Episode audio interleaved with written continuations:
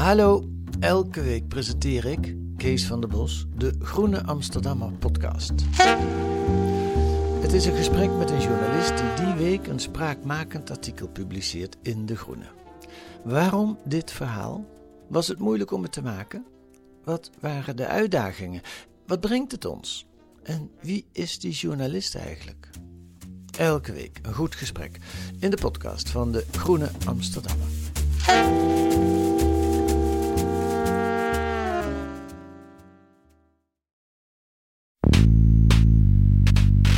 As we've seen uh, at Westminster, uh, the herd instinct is powerful. When the herd moves, it moves.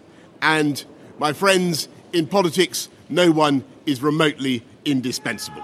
And our brilliant and Darwinian system will produce another leader equally committed to taking this country forward through tough times.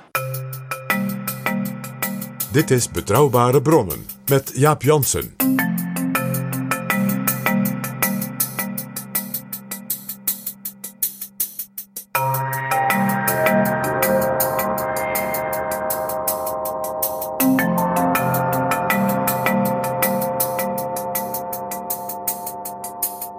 Hallo, welkom in Betrouwbare Bronnen, aflevering 283. En welkom ook PG.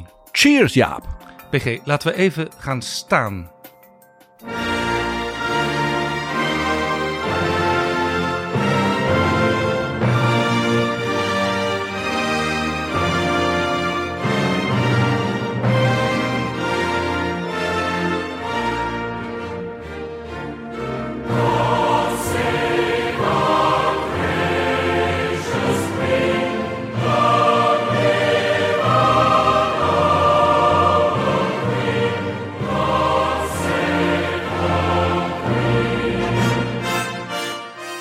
Save the Queen. Dat is het enige PG, denk je, wat je in deze omstandigheden, als het over het Verenigd Koninkrijk gaat, kunt zeggen. En rule Britannia, Britannia rule the waves. Een nieuwe aflevering, bijna aan het einde van het seizoen. We don't go out with a whimper, but with a bang. Ja, op het moment dat politieke junkies weer helemaal aan hun trekken komen. Alleen al door de BBC of Sky News aan te zetten. Want Boris Johnson is dan uiteindelijk toch nog afgetreden. En is daarmee een van de kortst zittende premiers in de Britse geschiedenis. En is eh, de derde premier op rij die in feite slachtoffer wordt van Brexit. Jaap, dat is inderdaad mijn analyse. En ik denk dat het interessant is voor onze luisteraars om eens even de diepte in te gaan, ook historisch, van waar komt deze crisis, want dat is het, vandaan. Maar eerst, PG, de nieuwe vrienden van de show. Jaap, het is weer een prachtige serie heren. Waar Tweemaal. blijven de dames? Tweemaal, dankjewel Martijn 1 en Martijn 2. Dank ook natuurlijk aan Mikis, aan Dennis, aan Declan en Caspar. En er zijn ook mensen die een eenmalige donatie doen en daar zijn we ook blij mee. En dat zijn deze keer Ryan en Hilke. Dit is Betrouwbare Bronnen. I know that there will be many people who are relieved, and uh, perhaps quite a few who will also be disappointed. And I want you to know how sad I am to be giving up the best job in the world. But them's the breaks. I know that even if things can sometimes seem dark now, our future together is golden. Thank you all very much.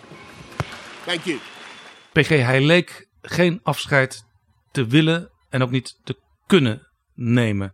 Maar In de laatste uren had hij zich opgesloten achter die zwarte deur van Downing Street 10. Met als enige bondgenoot nog Larry the Cat. Over wie inmiddels grapjes werden gemaakt eh, dat eh, hij nog beter zou kunnen regeren dan de man die tot het laatst toe aan die positie vasthield. Dat is wel heel veel hulde voor Larry. En misschien niet zo aardig voor Boris. Jaap, ik kijk er toch even met enige distantie nu. Dat moet je als historicus ook doen. Boris Johnson is een van de kortzittende premiers in de Britse geschiedenis. Zeker de recente Britse geschiedenis. En ja, hij haalde een verkiezingsoverwinning op de Labour Party. Ja, een enorme verkiezingsoverwinning. on- De Red Wall, eh, die viel. Onverwacht grote verkiezingsoverwinning.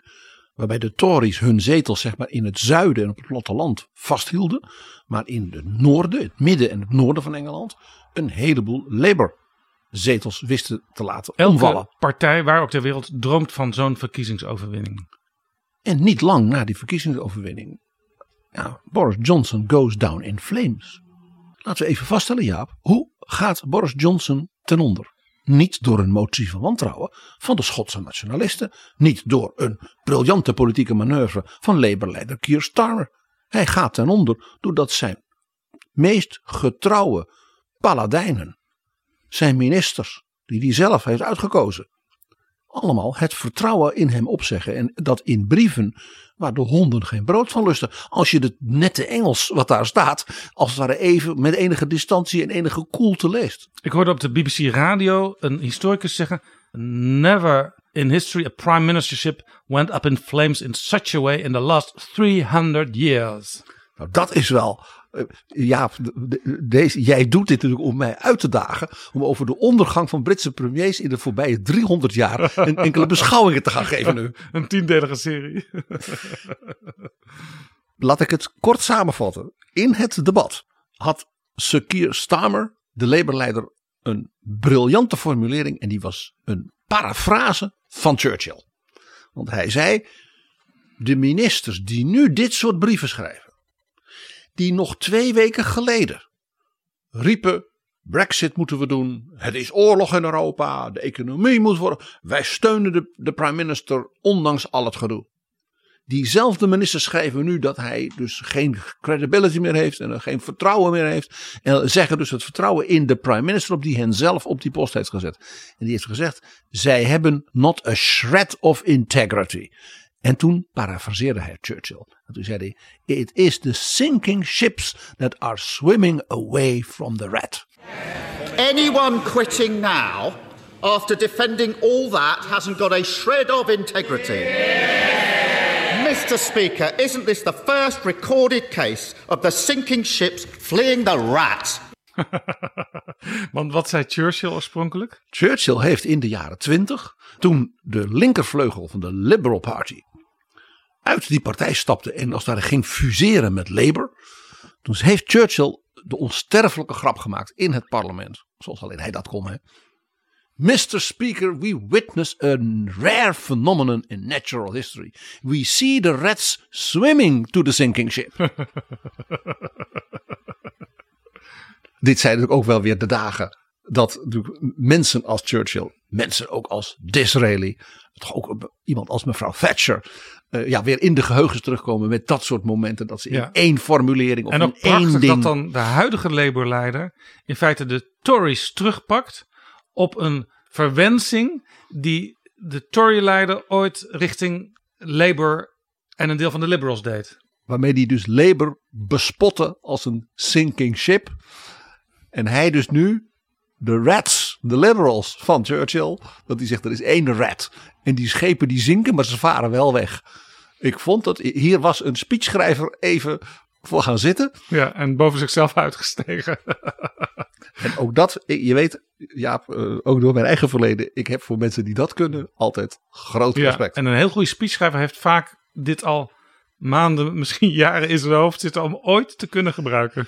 Ja, ik ben, ik was vast niet, ben vast niet zo'n ontzettend goede speechschrijver, maar ik geef toe, dat is best leuk voor de luisteraars. Je hebt als speechschrijver bepaalde dingen die je inderdaad soms bewaart en die je soms weet van die kan ik over een jaar als het ware nog een keer gebruiken. Bijvoorbeeld doordat je zegt die spreker kan heel leuk op die manier dat doen. Want niet iedere spreker kan bijvoorbeeld zo'n vilijne grap als Keir Starmer deed. Het was ook gedurfd dus. PG, de afgelopen dagen eh, schreven allerlei ministers brieven waarin zij aankondigden dat zij niet langer deze premier konden dienen. Daar sprak niet heel veel liefde uit uit die brieven. Nee, wat men dus schreef was, het was een grote eer om onder uw leiding eh, ja, bij te dragen aan het eh, welzijn van het Britse volk. En ze hebben allemaal bijna geschreven, we hebben toch, en daar heeft u grote verdiensten gehad, hè, met de vaccinaties en corona. Heel interessant. Bijna niet één brief heeft, schrijft over Brexit. Ze hebben het over corona. En u bent toch leidend ja, in het steunen van president Zelensky. Dat noemen ze. Ja. Om dan vervolgens te zeggen. Maar helaas. Er is geen trust meer. Want omgang met de waarheid is toch waar de democratie op rust. Dus die zegt in feite. Nou ja, je hebt een paar dingen gedaan. Dat hebben wij dan samen met jou gedaan. Oftewel, dat is vooral mijn verdienste. Maar verder ben je gewoon een aardsleugenaar. Het zal je toch gezegd worden door je senior ministers als de minister van Financiën, de minister van Gezondheidszorg nota bene, ja? de minister van Transport, de minister van Nationale Veiligheid, eh, de National Security minister. Ja. Als je die brief Ja. leest, die is Ja. spijkerhard. Een van de ministers die nog de laatste dagen tot het hogere ministerschap werd geroepen, die zei: Ik deed dat niet om u te dienen, maar om het land te dienen. Dat is ongehoord. Er zijn dus ministers die binnen 24 uur door hem waren gevraagd een post over te nemen. Om vervolgens het eerste wat ze de volgende ochtend deden was een brief schrijven met, eh, eh, nou hoe zal ik dat, F you. Die duidt erop wat we in de politiek, ook in andere landen, maar zeker in de Britse politiek, vaker hebben gezien. De minister-president Boris Johnson had de steun van zijn partij zolang hij een winnaar was. Toen duidelijk werd dat hij dus in feite niet meer garant stond, ook in de peilingen, in tussenverkiezingen, voor het behoud van de macht, zo, zo hard is het, werd hij dus gedumpt. Ja, dus je zou kunnen zeggen: Hij is heel lang our son of a bitch geweest. Juist. Men hield niet van Boris. Boris was onbetrouwbaar. Bor- Boris heeft iedereen verraden ongeveer die hè, waar, die- waar, die, die zogenaamd gediend heeft. Ja, ook hier- David Cameron. Ja, en ook o- met Theresa ja. May. En over dat gedrag, dat werd nog deze week door de vader van Boris Johnson geprezen. Want dit is zoals je het op Eton geleerd hebt, zei hij. Does he have the mental strength to see this through? You bet. That is one thing he is absolutely. I remember when he played the Eastern Wall game. The Eastern Wall game, you know, it's a pretty tough game. And there's a motto. You know, the motto is give as good as you get. Give more than you get. In fact, as I recall, the motto of the people who played the Eastern Wall game was an eye for a tooth. and that's one. So will will we see some more sackings? Do you think?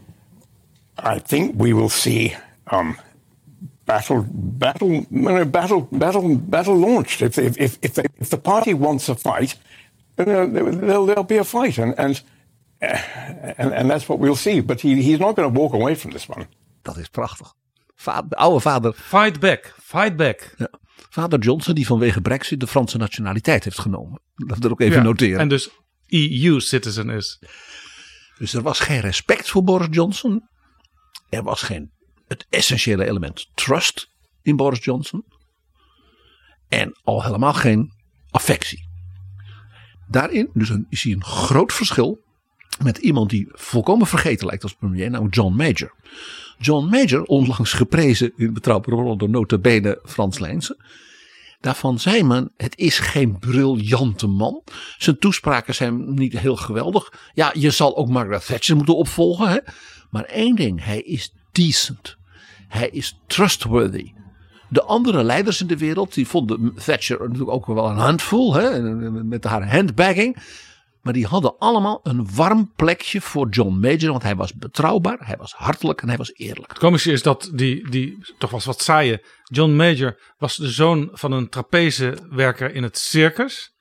Terwijl Boris Johnson door iedereen wordt gezien als een circusartiest. Ja. Zelfs hangend met het vlaggetje aan een draad waaraan hij niet meer vooruit kwam. D- dit soort beelden gaan ons nog jaren eh, achtervolgen. Over de periode Bojo. Essentieel is hier wat er gebeurd is met Brexit. We moeten hier terug naar David Cameron en Brexit. David Cameron was de premier die zei: Ik ga heronderhandelen met Europa. En dan komt er een beter Europa uit. En dat, die, dat betere Europa, wat ik ga regelen, hè, met mevrouw Merkel en zo, dat leg ik voor aan de kiezer. Dat was de belofte van Cameron. Ja, Cameron dacht dat hij een overwinning zou behalen daarmee. En wij hebben in betrouwbare bronnen alles geanalyseerd, Jaap, dat Cameron, net als bijvoorbeeld CDA-leider Buma, ja, helemaal geen betere EU voor elkaar kon krijgen. Want de voorstellen ter verbetering waren zo marginaal. dat hij eigenlijk een beetje uitgelachen werd.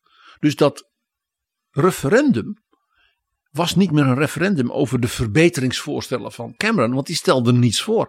Nee, een aantal dingen was Europa al van plan en een paar dingen eh, zegden ze ook toe. Maar ja, wij kunnen ons niet eens meer de details herinneren.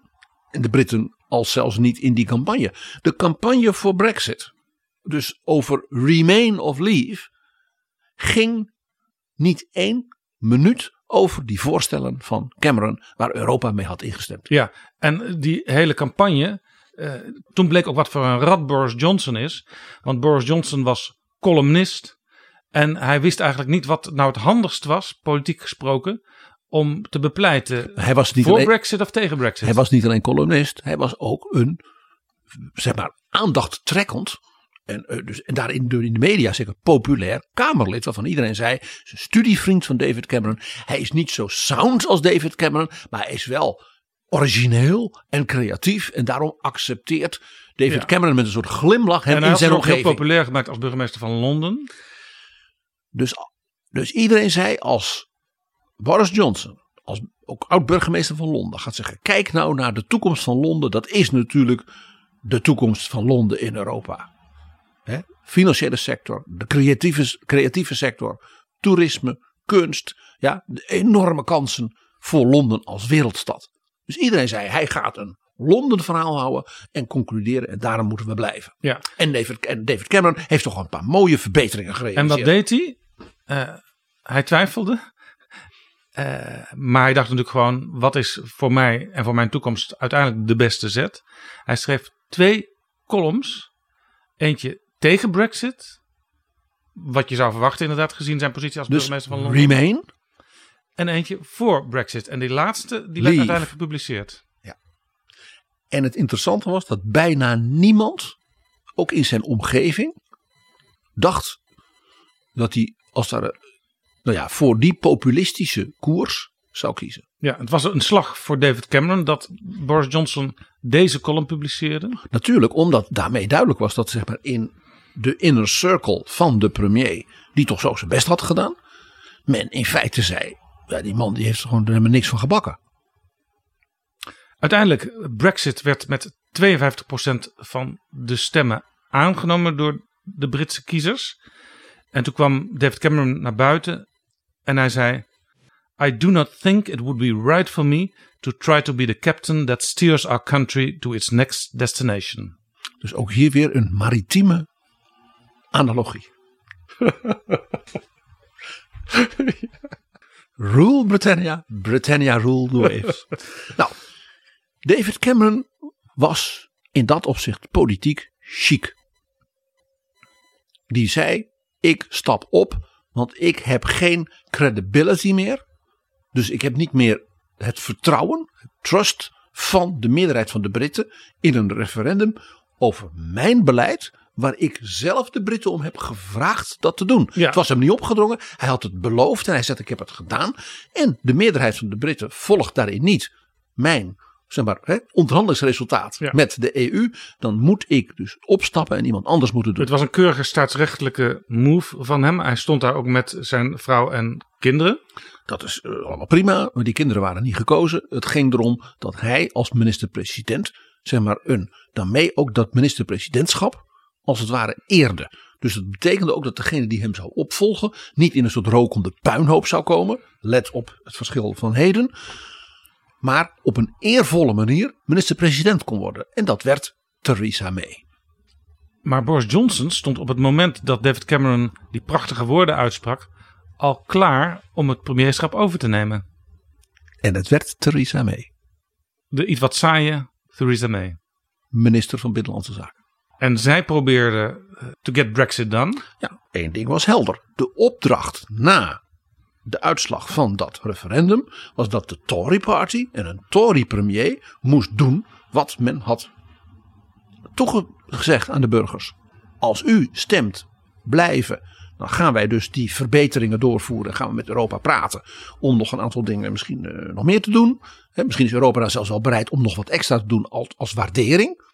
Dat we blijven. Die kans was helemaal niet zo gek, die gedachte. Dan wel dat die nieuwe Tory premier zal zeggen: dan ga ik om de tafel zitten met Jean-Claude Juncker met mensen als mevrouw Merkel en uh, Mark Rutte en dergelijke. En dan gaan we proberen ja, een ontvlechting, zoals dat werd genoemd, waarbij dus zowel Engeland als Europa daar dan als het ware zo min mogelijk schade van heeft en misschien zelfs een aantal dingen goed kunnen regelen. Dat we er uiteindelijk zeggen, we worden er allemaal beter van. Uiteindelijk heeft het parlement drie keer haar deals verworpen. En wie was een van de mensen die daarbij een rol speelde? Boris Johnson. Er was dus een vleugel binnen haar eigen Tory-partij, die in feite haar voortdurend in de steek liet. Daarbij kwam ook nog, dat was natuurlijk zeer ongelukkig voor mevrouw May, dat zij een verkiezing uitschreef. En iedereen ervan uitging, ook zij zelf, dat ze die huizenhoog zou winnen van de toch wat merkwaardige Labour-leider Jeremy Corbyn. Ja, ja. Eh, een linkse extremist, zouden wij in Nederland zeggen. Uh, die ook helemaal niet zeg maar, de steun had van de partijorganisatie, Nee. maar wel van de activisten in het land. ja. Je zou Eh, kunnen zeggen, als je het met Nederland vergelijkt, eh, van de linkervleugel van de SP. Eh, ja, zoiets. En ja, je moet zeggen, die heeft toen een zeer achtenswaardig resultaat voor Labour binnengehaald. Doordat hij dus die activisten, ja, die kreeg hij naar de stembus. En de trouwe Labour-gangers, die gingen toch ook maar.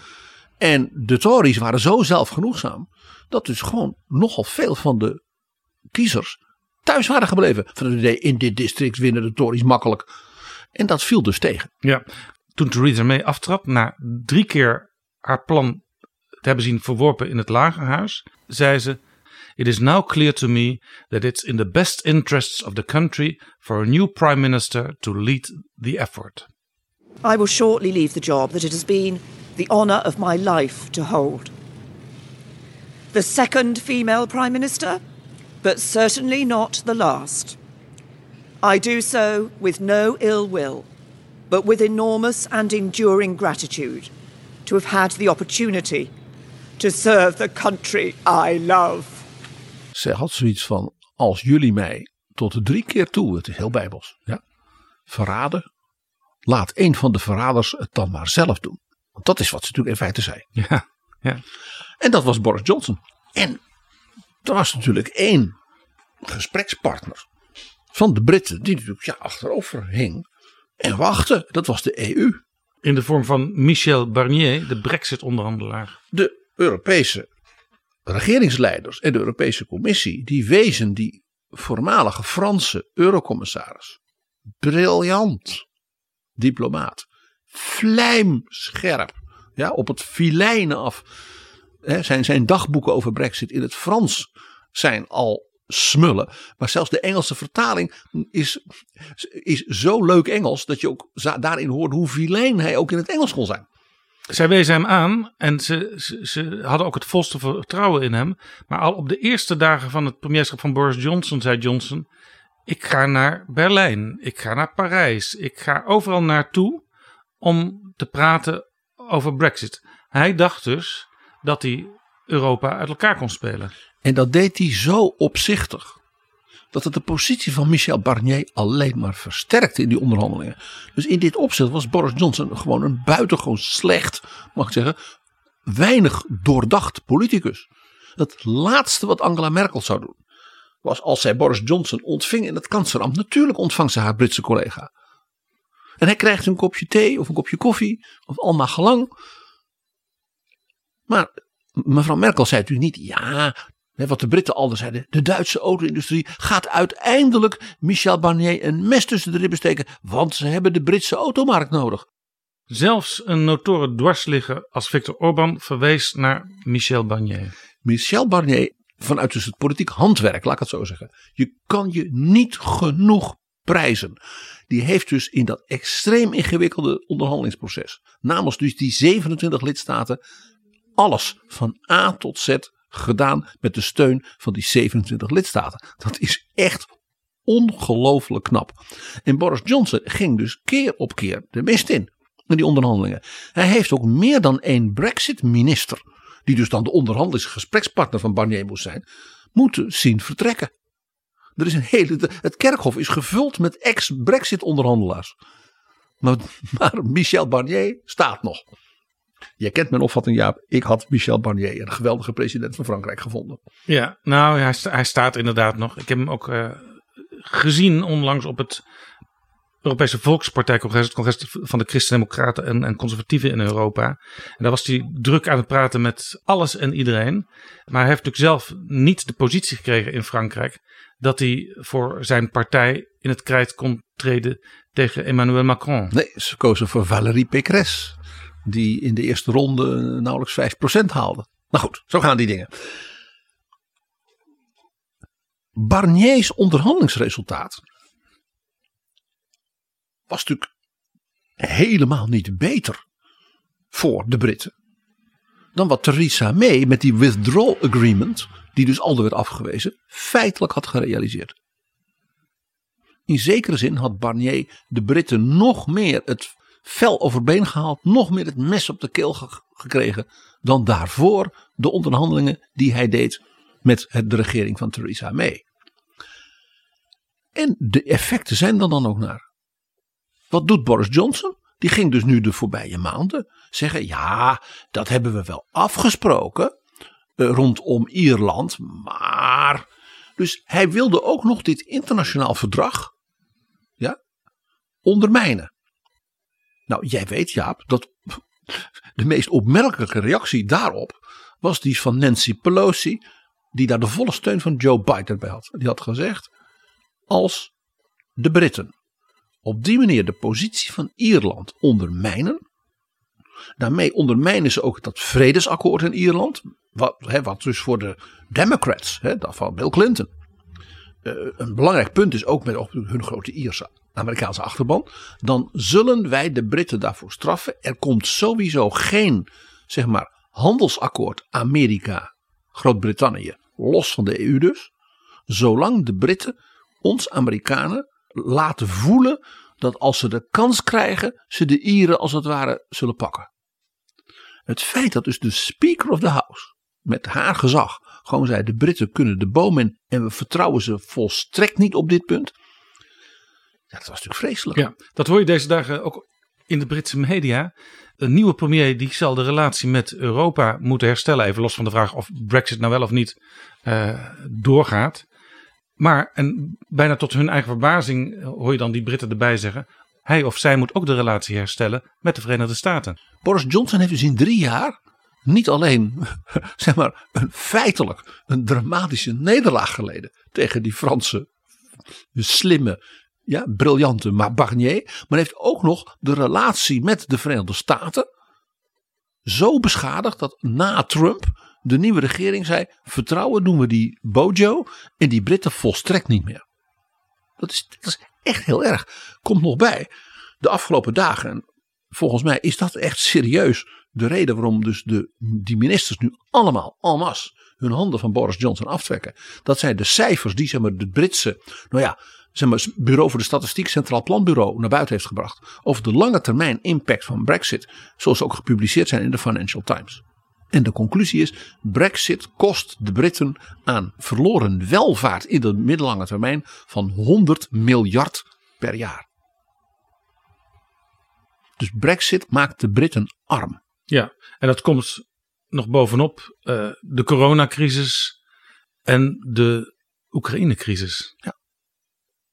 Dus het idee dat Brexit als het ware de Britten naar ja, zonnige hoogten zou brengen. En hè, als een soort Singapore in de Noordzee, weet je nog? Dat soort verhalen. We worden een vrijhandel en dan we worden geweldig rijk. En de hele wereld wil in Engeland zitten. Global Britain. Global Britain. 100 miljard per jaar. Minder. Dat betekent dus in vijf jaar tweede kabinet Johnson 500 miljard minder voor pensioenen, voor de National Health Service, voor de scholen enzovoort. PG, toch leek het uh, een week of wat geleden er nog op dat Johnson voorlopig kon doorregeren. Want er was een stemming geweest in zijn eigen partij, een vertrouwensstemming, en die won hij. Dat is dus ook zo interessant. Daarom dat ik dit punt van Brexit zo benadruk. It's the economy stupid. De campagneleus van de staf van Bill Clinton. Want wat gebeurde er in die fractie? Daar werd gezegd, ja, de prime minister is misschien wel niet helemaal eh 100% in overeenstemming geweest met de waarheid. Als het ging over die lockdown parties. En hij was zelfs vervolgd worden voor leugens. Ja, het is ja, ongelooflijk. Ze lieten dus zien in die debatten. Hè, die beelden van die hoogbejaarde queen. In haar eentje in dat bankje dat ze prins Philip gingen begraven. Dat Ja. er dus 30 mensen bij mochten zijn. Iedereen hield zich aan de lockdownregels, de strenge regels, inclusief de koningin uiteraard. Die dus als vrouw van in de 90 haar innig geliefde echtgenoot van bijna 100 moest begraven. En er mochten maar een paar mensen van de familie bij zijn. Nou, dat, dat scheurde door het hart van de Britten. Met de Queen die dan ook nog het jaar daarna dat grote jubileum ging vieren. En haar, ja, haar glimlach er weer was. Ja, en vervolgens bleek dat er elke vrijdag feestjes waren op Downing Street 10 met veel booze. En cheese en wine. En ook nog een Christmas party op het dieptepunt van de lockdowns. Dat de Britsen zeiden, we mogen niet eens naar onze opoe of naar onze geliefde oude tante die er zo naar verlangt om met kerst de, de kinderen te zien. Ja, op een gegeven moment eh, eh, lekte uit dat er elke vrijdag met een rolkoffertje naar een drankwinkel werd gegaan om nieuwe flessen te halen. Eh, Dat is heel menselijk, ja. Maar in zo'n situatie is dit natuurlijk afschuwelijk. Dat heeft ook te maken met de morele autoriteit die je als minister-president of als politiek leider moet proberen uit te stralen. Wat de Queen natuurlijk zo enorm doet. En dan is het contrast dus met zo'n Johnson des te groter. Ja, ja. Nou, dus waren allemaal dingen. En toen zei hij ja, allemaal naar en eh, excuses. En eh, nou, eh, ook in het huis. En toen heeft men dus een soort vertrouwensstemming gedaan. Interessant genoeg. Niet in het House of Commons, maar in de partij. De fractie van de Tories, de 1922 Committee, precies 100 jaar geleden, organiseerde een vertrouwensstemming. En dan mocht je tussen, ik noem het, smiddags drie en smiddags zeven mocht je gaan stemmen. ja, zodra er voldoende eh, aantal brieven binnen is om een stemming te houden, wordt die gehouden. En de enige die weten hoeveel brieven er binnen zijn, eh, dat zijn de bestuurders van dat committee. En die zijn gezworen te zwijgen. En Boris Johnson had een meerderheid. Van, nou ja, we steunen hem nog. Ja. Die meerderheid was niet indrukwekkend. Nee, het bleek dat er al heel veel mensen eh, het vertrouwen in hem hadden opgezegd. En wat doen zijn ministers? Dat was duidelijk afgesproken werk toen die uitslag kwam. Van, nou, oké, het is geen triomf, maar hè, let bygones be bygones. Naar de toekomst kijken. Eh, het is oorlog. Er kwamen de bekende verhalen. En we hebben nog corona samen overwonnen. En we nu weer eensgezind verder. En we steunen de prime minister. Dat was dus enkele weken geleden. Diezelfde ministers gingen nu duidelijk goed georganiseerd. Massaal. Ja, met nogal vergelijkbare brieven. Het vertrouwen opzeggen en stapten op. En het was binnen. Ja, wat was het? In, binnen 12 uur 51 bewindslieden. Hè?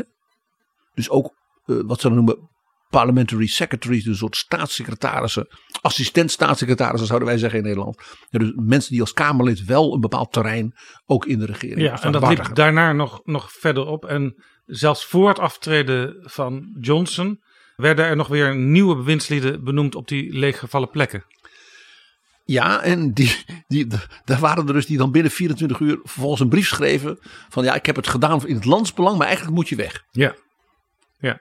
Dat is eh, het begrip eh, dankbaarheid eh, in de politiek, zullen we maar zeggen. I did it not for the man, but for the country. Prachtig, prachtig, wat een nationale gezindheid. Het is onmiskenbaar, Jaap, dat dit afgesproken werk is geweest, wat er gebeurde. Want twee van de absolute senior ministers stapten min of meer tegelijk op. Said Javid en Rishi Sunak. En die schreven beide een ook analoge brief. Waarom zij zeiden: Wij kunnen niet langer onder u dienen. Met u als minister-president. Maar er was er nog een. Die schreef niet zo'n brief, maar die uitte zich. En dat was Michael Gove. Michael Gove was zeg maar, de, zeg maar het alternatief voor Boris Johnson. eh, als minister-president in de ogen van velen. Ja, en ook een van de architecten van de pro-Brexit campagne. Precies. En ook als het ware Boris Johnsons bondgenoot in die campagne tegen dus premier Cameron. En Michael Gove die zei toen dus na die twee brieven van die ministers. Ik vind dat de minister-president niet langer te handhaven is in deze situatie.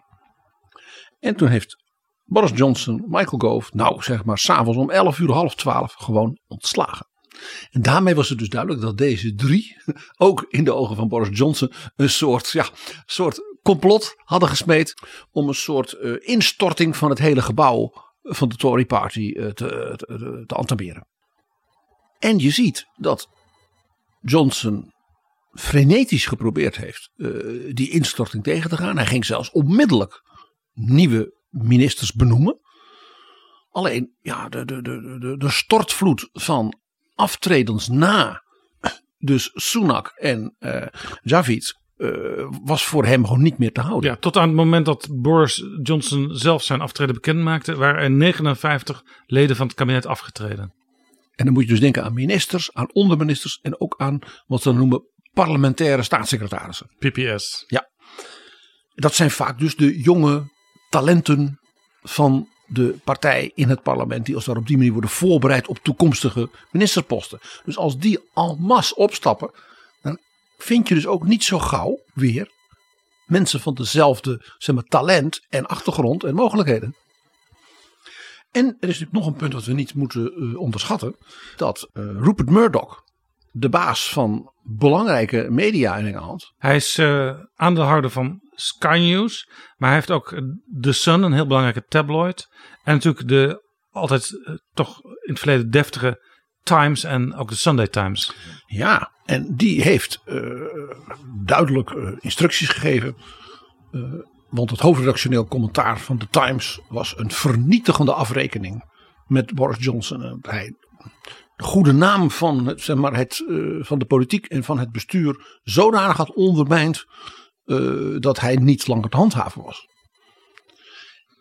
En dat doet mij een beetje denken aan hetzelfde wat Murdoch heeft gedaan bij een andere krant waar hij de eigenaar van is en waar hij dus ook toen uh, zo'n soort commentaar heeft laten publiceren. En dat was de Wall Street Journal bij Trump.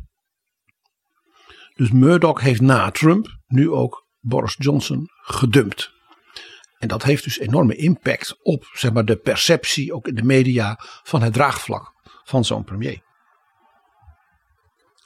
En ja, er zat dus voor Boris Johnson, die duidelijk echt alles deed om aan te kunnen blijven, niet anders meer op dan tegen de voorzitter van de, het fractiebestuur uh, van de Tories in het parlement, om te zeggen dat hij dus zou opstappen als leider van de Tories.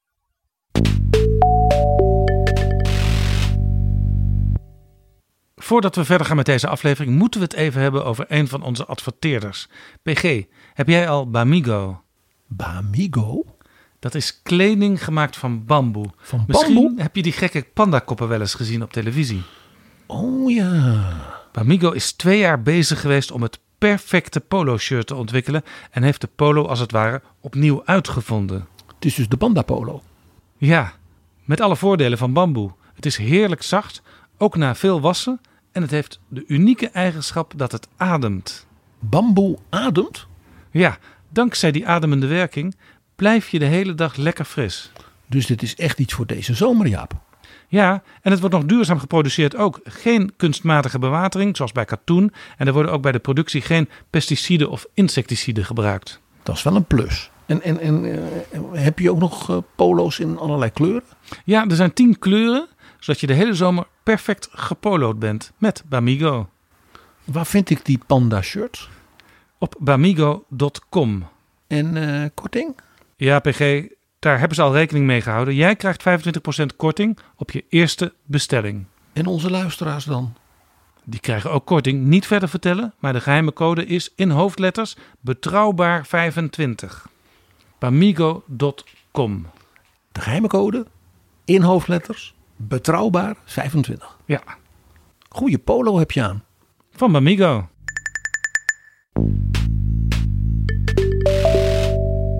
Dit is Betrouwbare Bronnen, een podcast met betrouwbare bronnen. PG, het aftreden van Boris Johnson. Het was een historisch moment, Maar er zijn vaker van dit soort momenten geweest in de Britse geschiedenis. Nou, het interessante ook is dat ja, het is historisch, want elke, elke ja, politieke nederlaag is een nederlaag van zichzelf. Maar tegelijkertijd, de wijze waarop dit gebeurde, is weer niet dat je zegt dat is uniek, dat is nog nooit eerder gebeurd. Het schijnt blijkbaar een beetje te horen bij de Britse politiek. Misschien ook wel wat, bij wat Boris Johnson zelf noemde, our Darwinian system.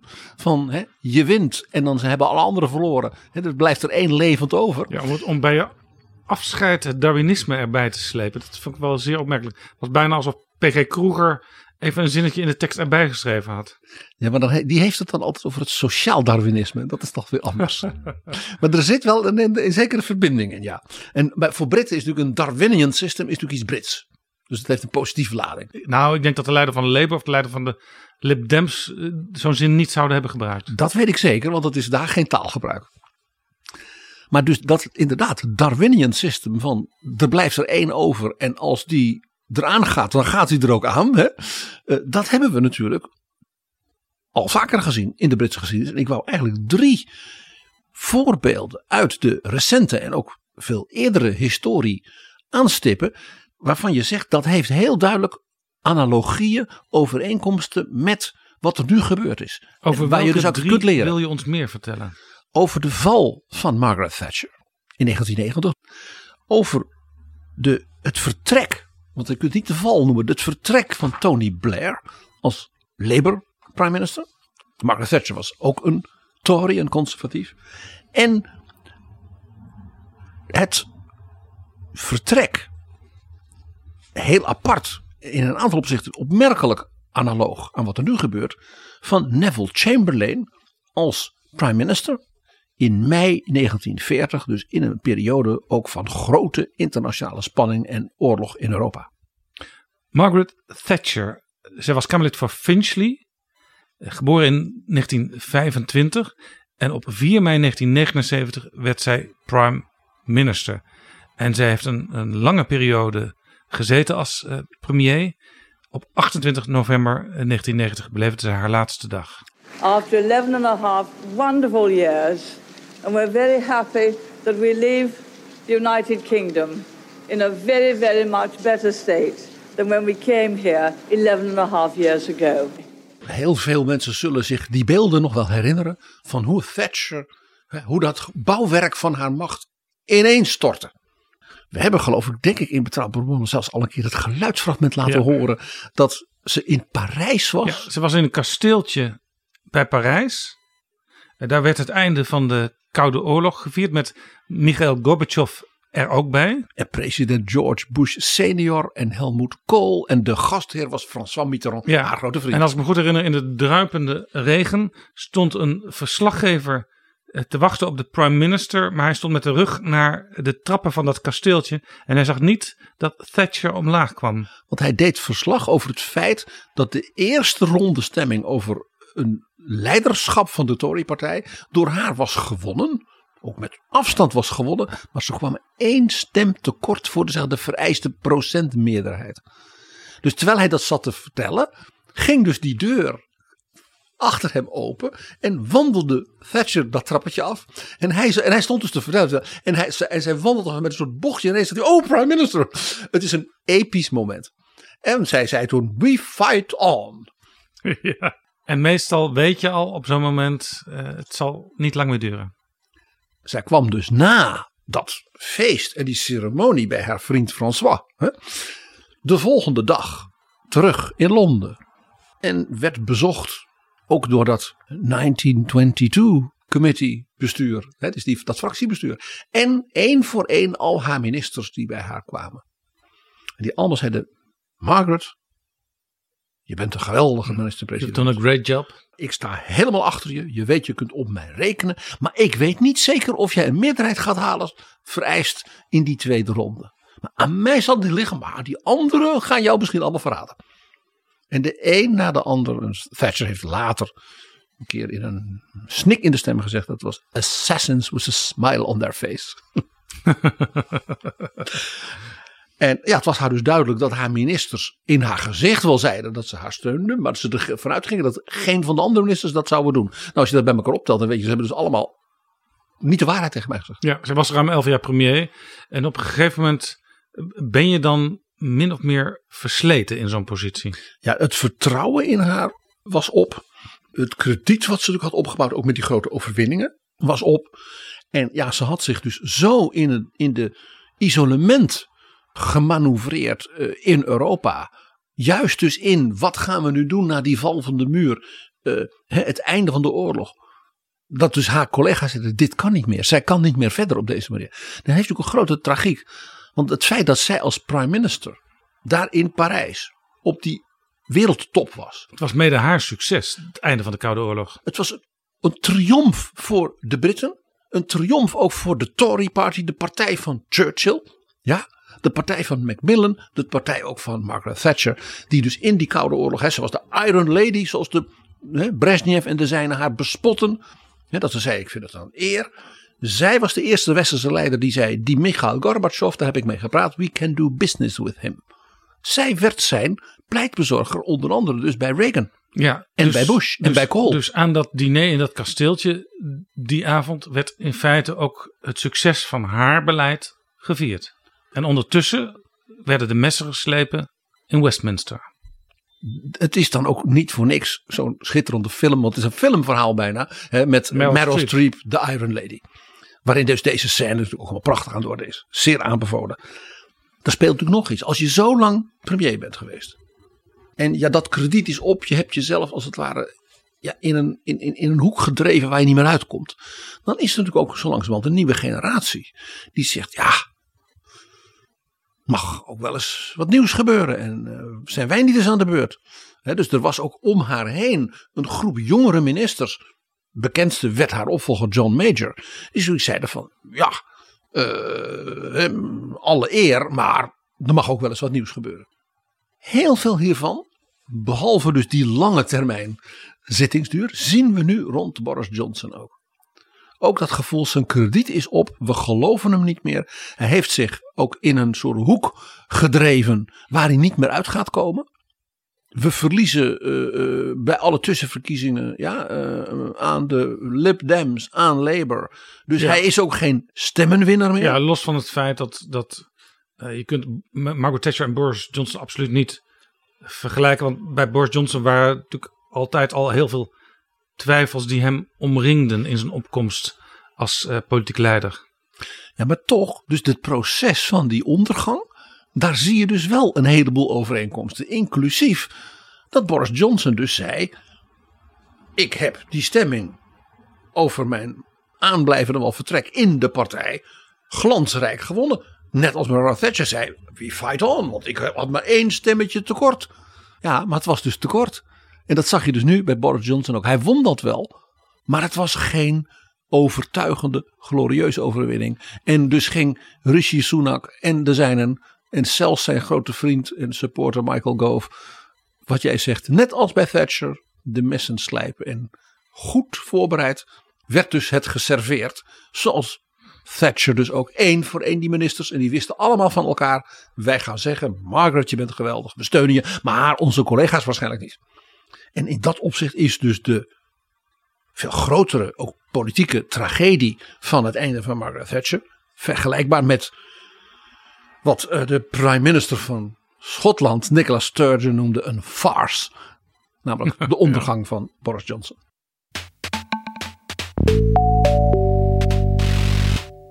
PG, eh, het lijkt bijna wel alsof eh, enkel en alleen de Tories met dit soort problemen worden opgescheept. Maar we hebben toch ook nog de Labour Party die ook regelmatig aan de macht is geweest. Al is het zo dat de Tories vaker en ook vaak langer aan de macht zijn. Maar we hebben natuurlijk in het recente verleden een fase gehad dat de Labour Party ja, een soort Margaret Thatcher had. Een premier die maar won en won en won. Margaret Thatcher die won vanuit rechts ook een deel van links van het midden voor zich. En Tony Blair, over wie je het nu hebt, die was natuurlijk van de Labour Party. Maar die haalde ook een aantal mensen van gematigde rechts naar binnen voor zijn partij. Hij opende de Labour Party voor middengroepen en niet alleen maar voor de arbeidersklasse en hardlinks. Ja, of ook een kleine vergelijking met Boris Johnson, die dat natuurlijk met het slopen van die Red Wall ook deed bij de afgelopen verkiezingen. Ja, die dus Labour-kiezers, klassieke Labour-kiezers die voor Brexit waren, als het ware heeft verleid, ga met mij dan getting Brexit done. De ondergang of het vertrek, of hoe je het verder noemen wil, van Tony Blair heeft ook elementen waar ik zeg, die zijn interessant. Die horen dus ook blijkbaar bij de manier waarop dat gaat bij de Britten. Want bij Tony Blair zag je dus dat men hem ja, liet zitten als premier. Ondanks dat er ook wel grote conflicten in die partij waren. Omdat hij verkiezingen won.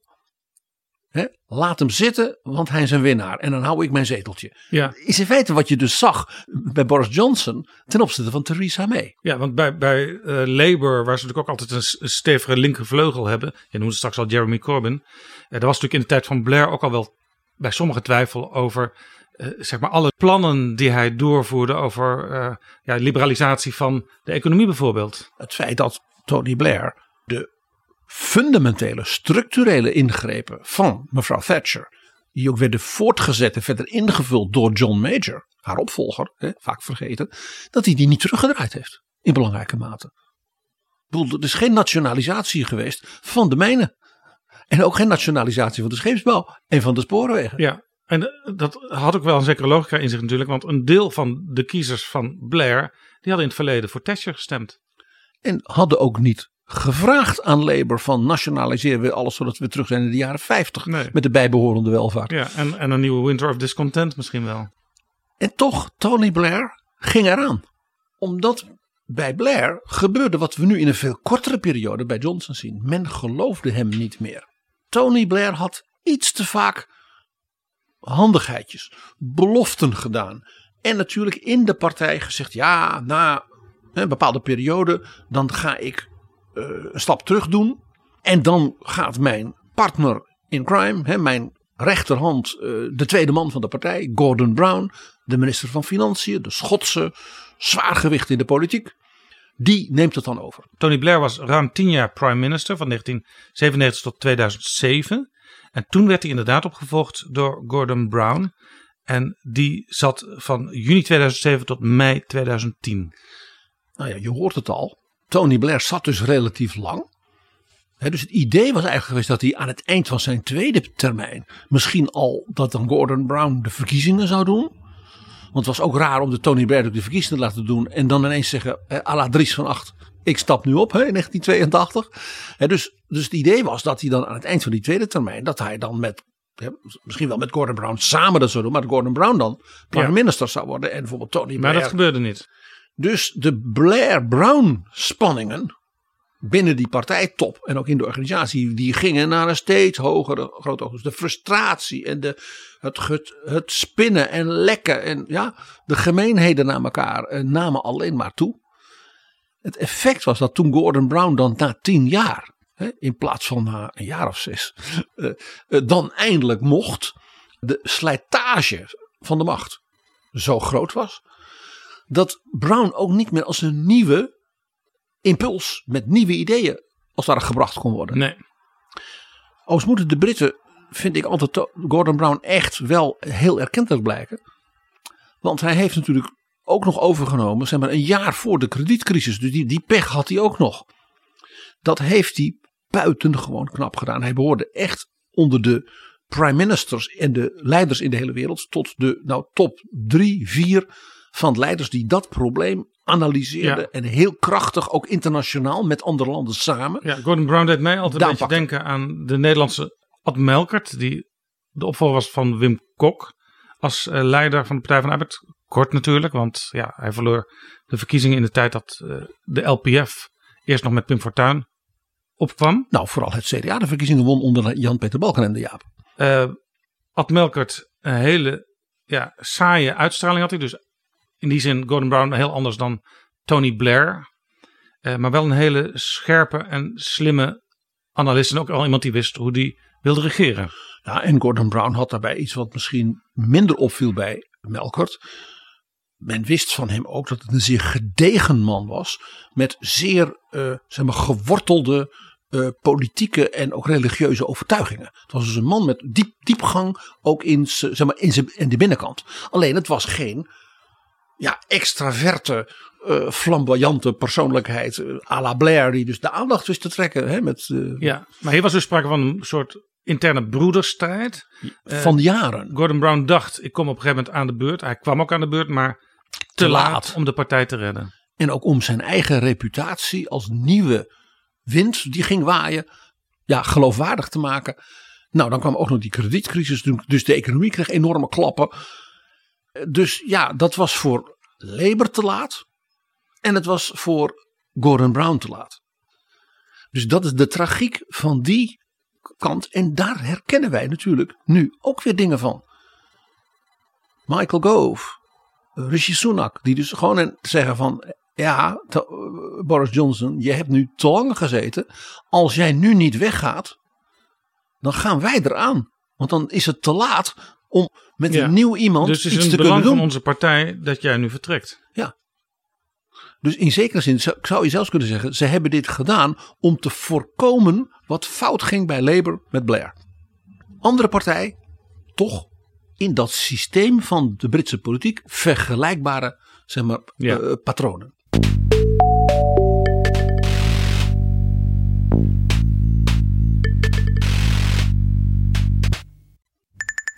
Dit is Betrouwbare Bronnen.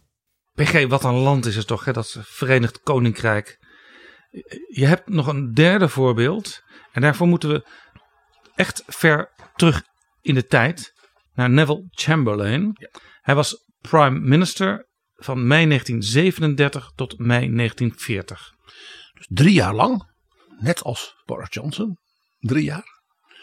Chamberlain was al op leeftijd toen hij premier werd. En dat was na een glorieuze verkiezingsoverwinning. Hij is geboren in 1869.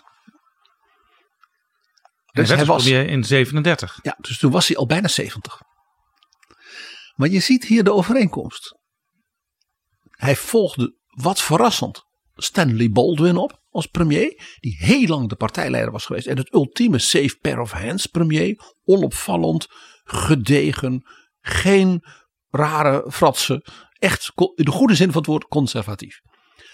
Chamberlain was heel lang minister op allerlei posten. En vooral fameus als minister van Financiën.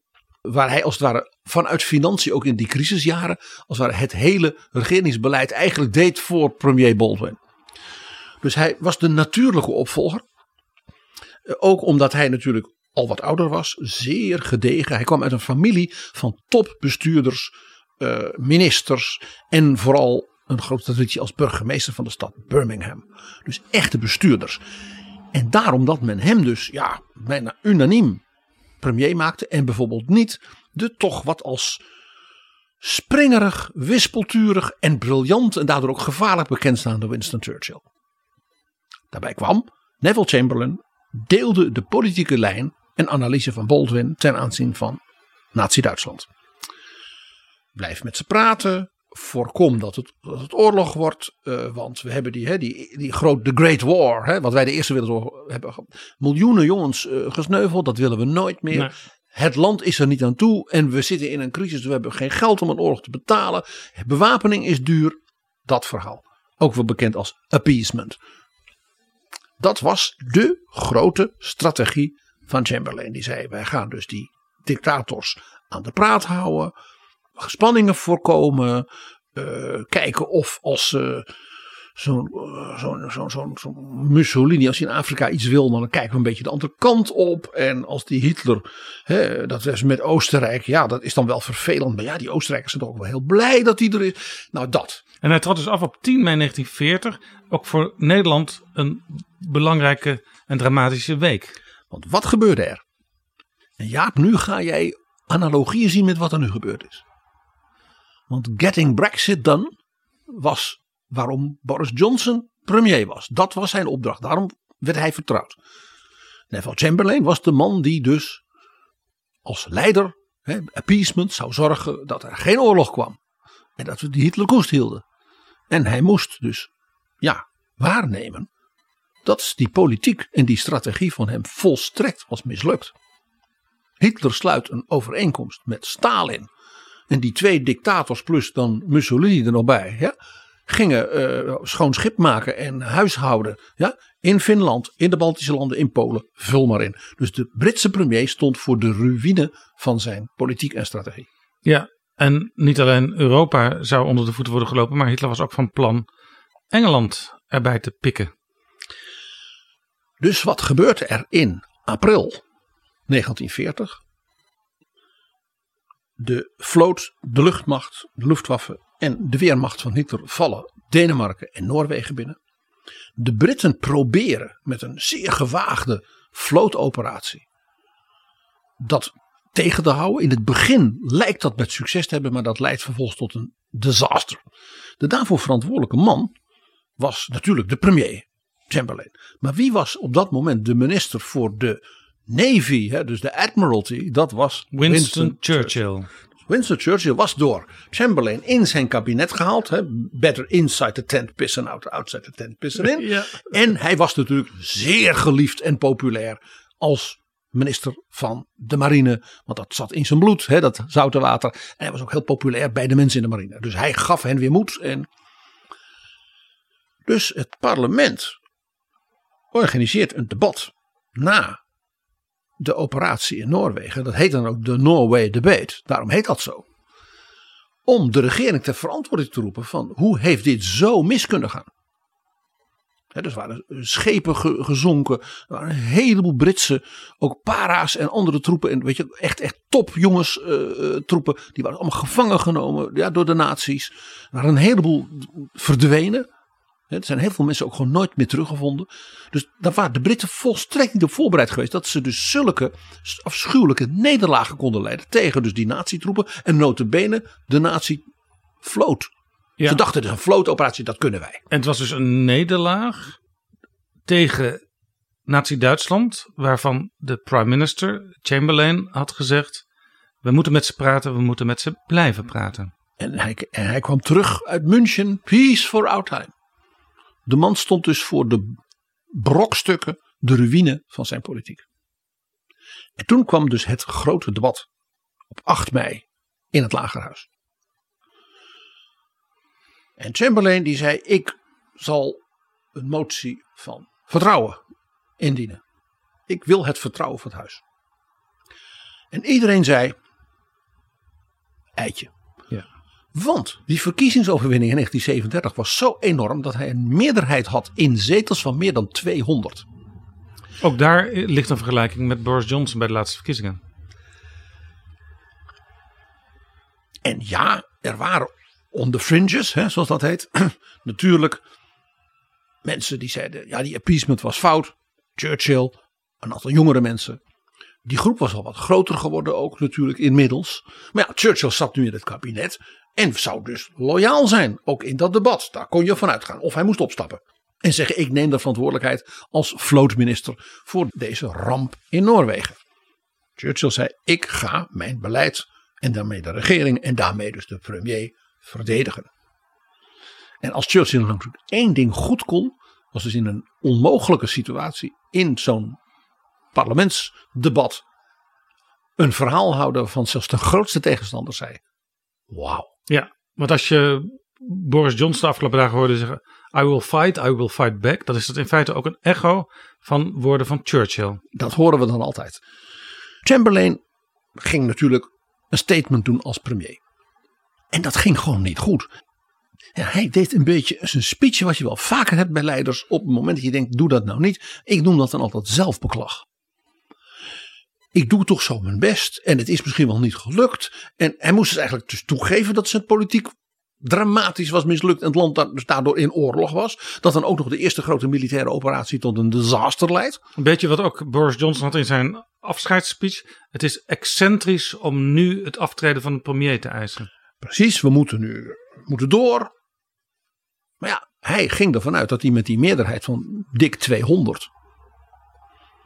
Ja, ze moesten loyaal zijn. Dus de liberals in de aanval, Labour in de aanval. En toen kwamen er allemaal conservatieven die dus ha- hadden op hun handen gezeten. En de een na de ander stond op. En er was iets heel visueels, dat kunnen wij natuurlijk nu niet meer zien. Heel veel van de jonge Kamerleden, die dus waren, er net in waren gekomen in 37, die kwamen in uniform. Want die waren inmiddels dus in het leger. Ja, ze waren opgeroepen om uh, tegen Nazi-Duitsland te strijden. In de vloot, in de luchtmacht, de landmacht en dergelijke. Als arts. En die kwamen dus in uniform. En die kwamen vertellen: wij moeten nu alles uit de kast halen, want anders gaan we eraan. Als die Hitler ons met zijn vloot in Noorwegen kan verslaan, wat dreigt nog meer?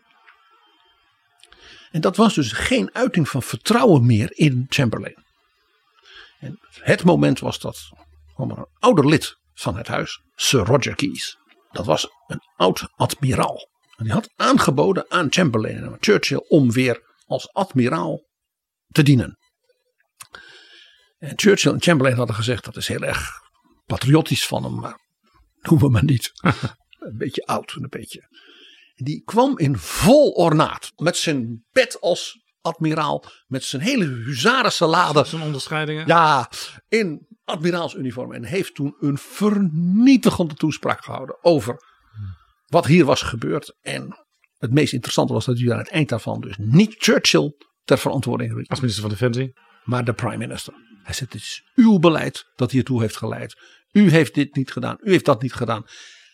En het, is, het zou dus onrecht doen aan Churchill, die nu is ingestapt als minister, om hem hiervoor aan te pakken. Nou, er ging natuurlijk een siddering door het House of Commons, want dit was natuurlijk een klassieke Tory, zo'n admiraal. Hè? Nou, toen is, kwam ook nog een van de bekendste sprekers, ook een beroemde spreker, Leo Emery. Dat was een vriend van Churchill.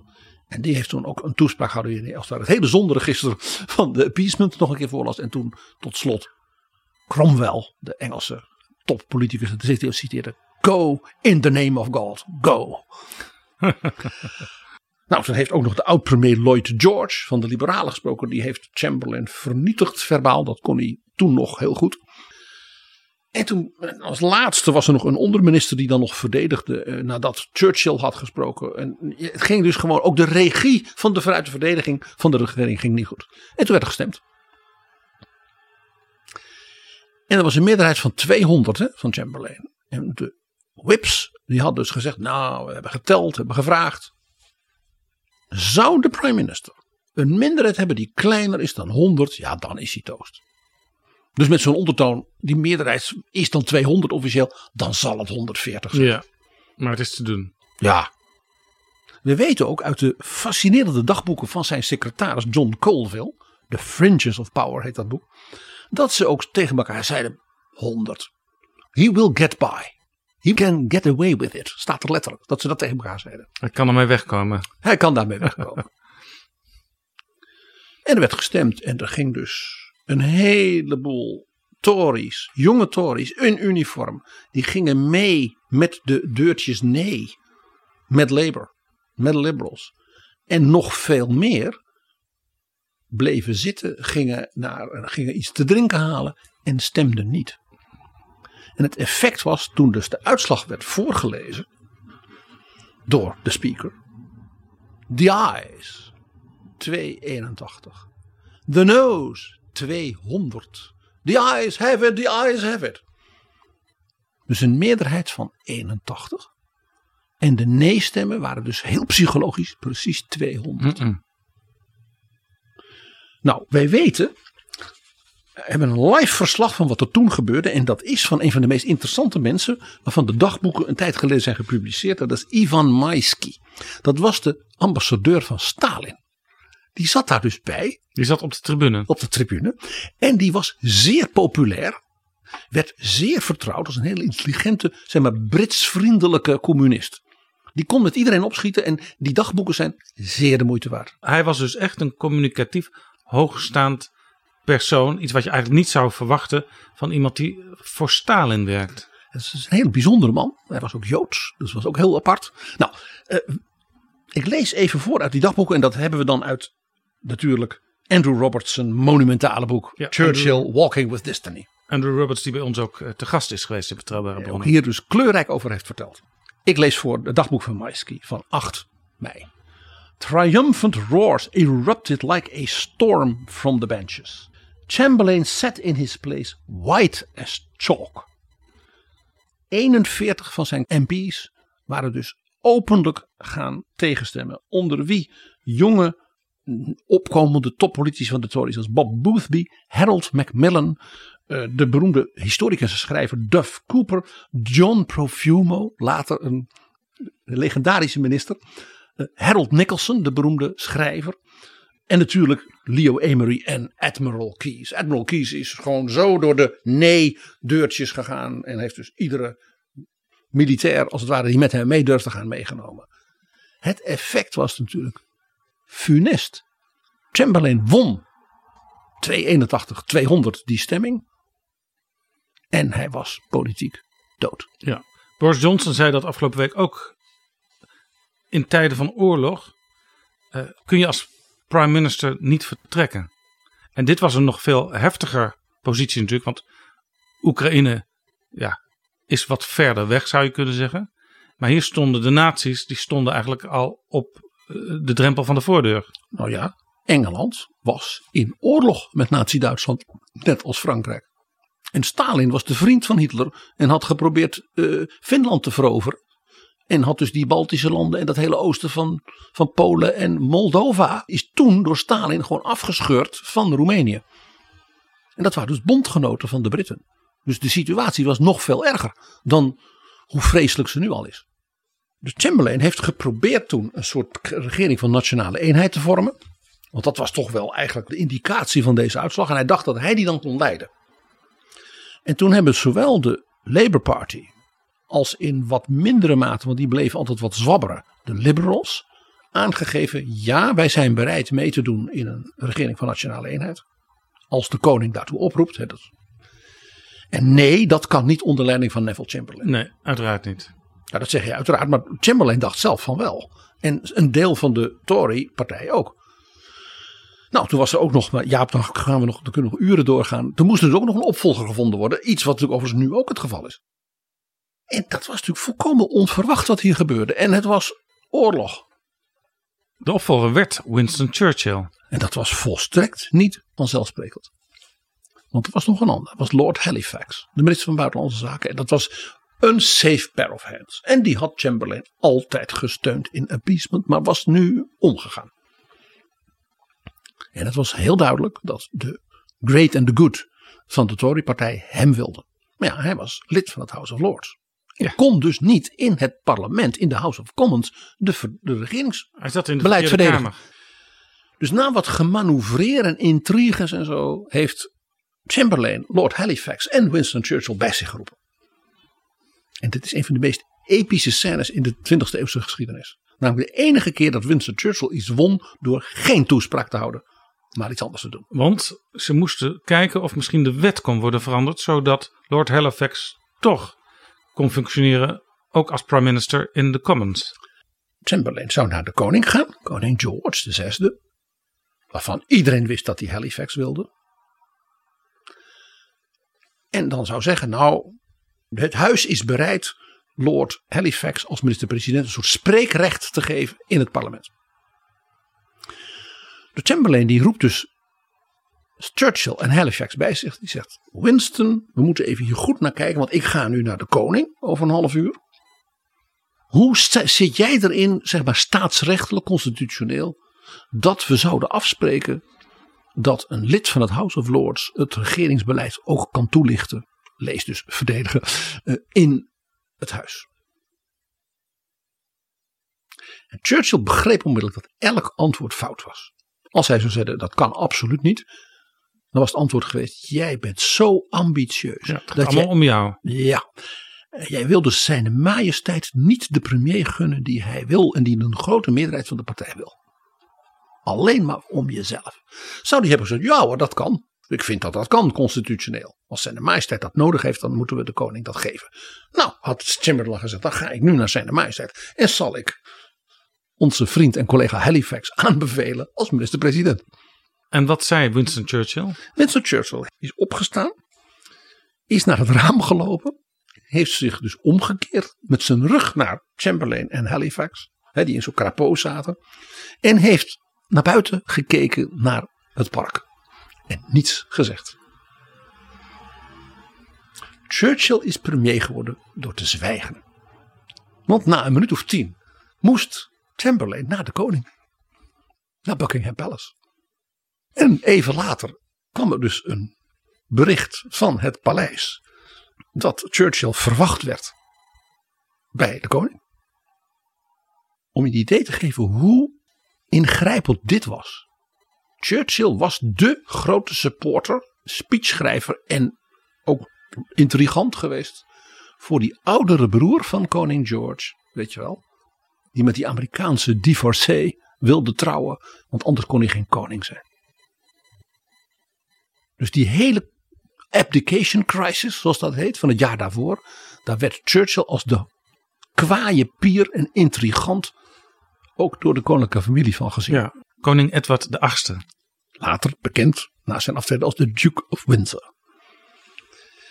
Dus de jongere broer, die helemaal geen koning wilde worden. En zich daar ook niet geschikt voor achter. George VI. George VI. Dat bleek dus achteraf een ernstig inschattingsfout. Want hij was een, een koning die door de Britten zeer werd gewaardeerd. Ja, men hield echt van hem. Uh, en hij had ook een prachtig karakter voor juist dat koningschap. Dat weten we achteraf.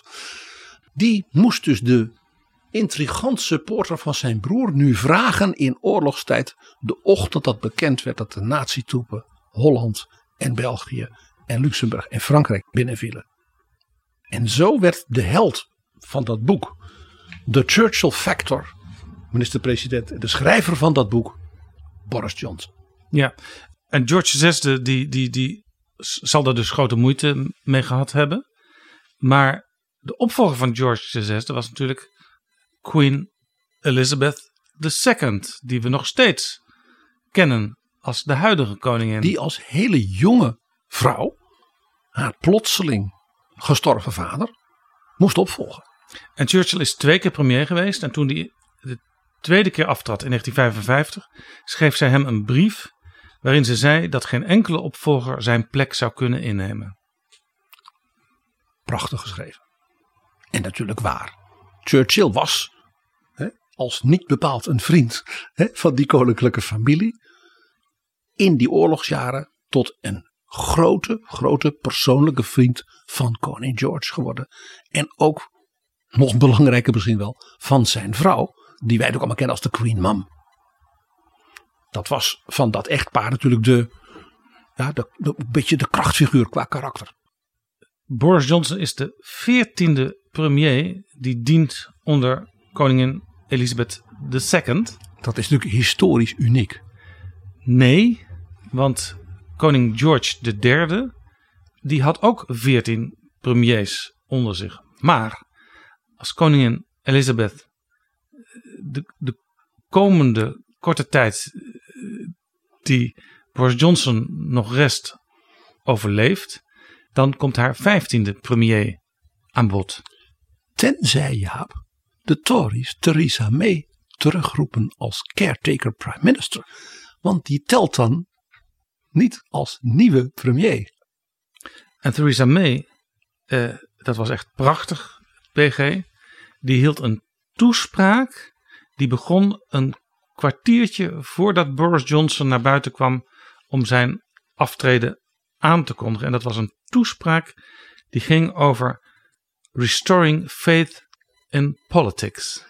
En dat was ter ere, ter herdenking van een minister uit haar kabinet, die onlangs was overleden. En daar werd dus een lezing ter herinnering. En zij zou als toenmalig premier van deze minister de eerste lezing houden. Ja. En die lezing En die- was die- een lofrede op het honorabele, patriotische, eh, eh, fatsoenlijke, eh, gedegen en eerlijke karakter van deze minister en wat hij allemaal Ja, die had minister gedaan. waar, waar ik overigens nog nooit van gehoord had, maar dus vorig jaar overleden.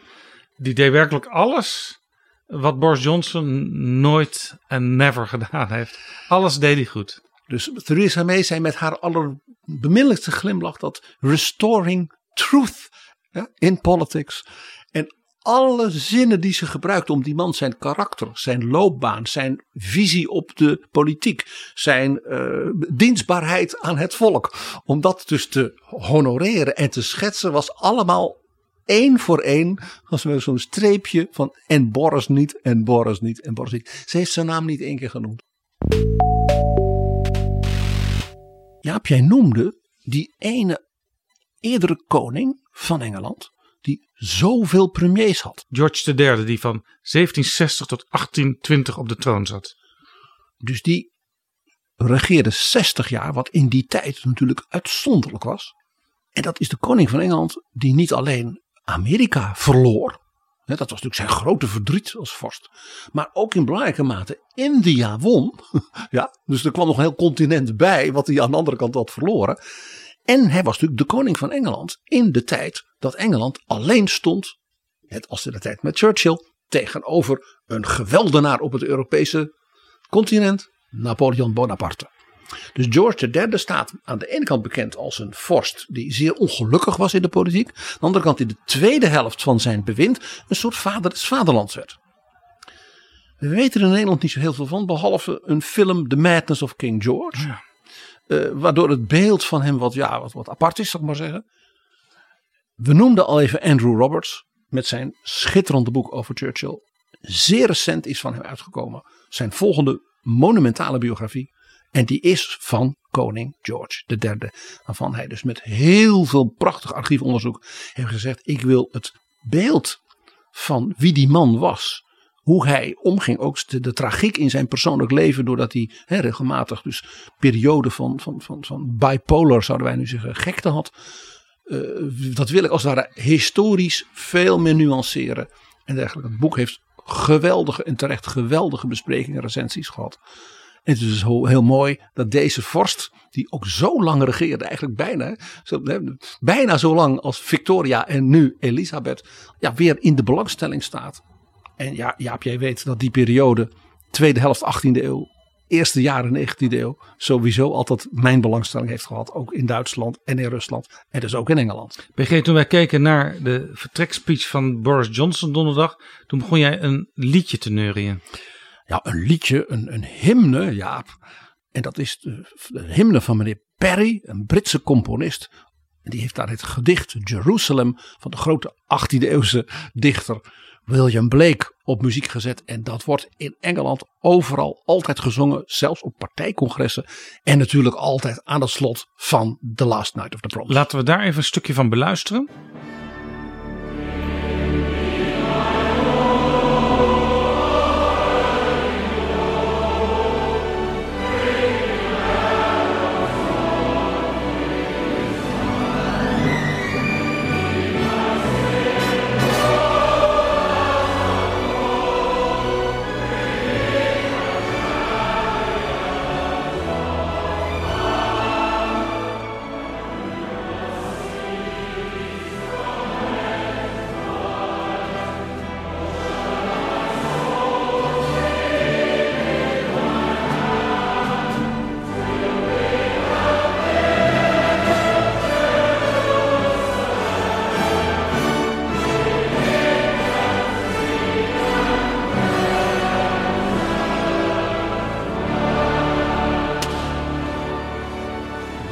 My bow of burning gold, bring me my arrows of desire, bring me my spear, O clouds unfold, bring me my chariot of fire.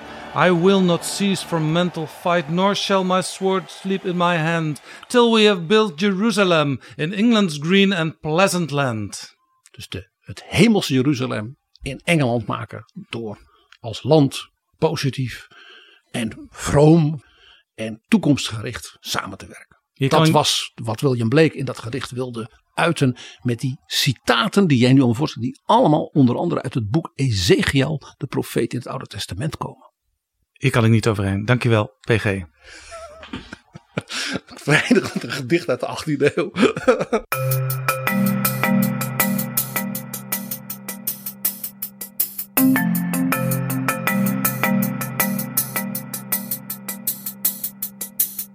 Zo, dit was Betrouwbare Bronnen, aflevering 283. Deze aflevering is mede mogelijk gemaakt door de vrienden van de show, luisteraars die een donatie geven. En dat kan maandelijks, kan jaarlijks, kan ook eenmalig. En dat helpt in ieder geval bij het maken van nog veel meer afleveringen van betrouwbare bronnen. Adverteren kan ook. Stuur een mailtje aan adverteren en er wordt zo snel mogelijk contact opgenomen. Tot volgende keer. God save the Queen. Betrouwbare bronnen wordt gemaakt door Jaap Jansen in samenwerking met dag en nacht.nl.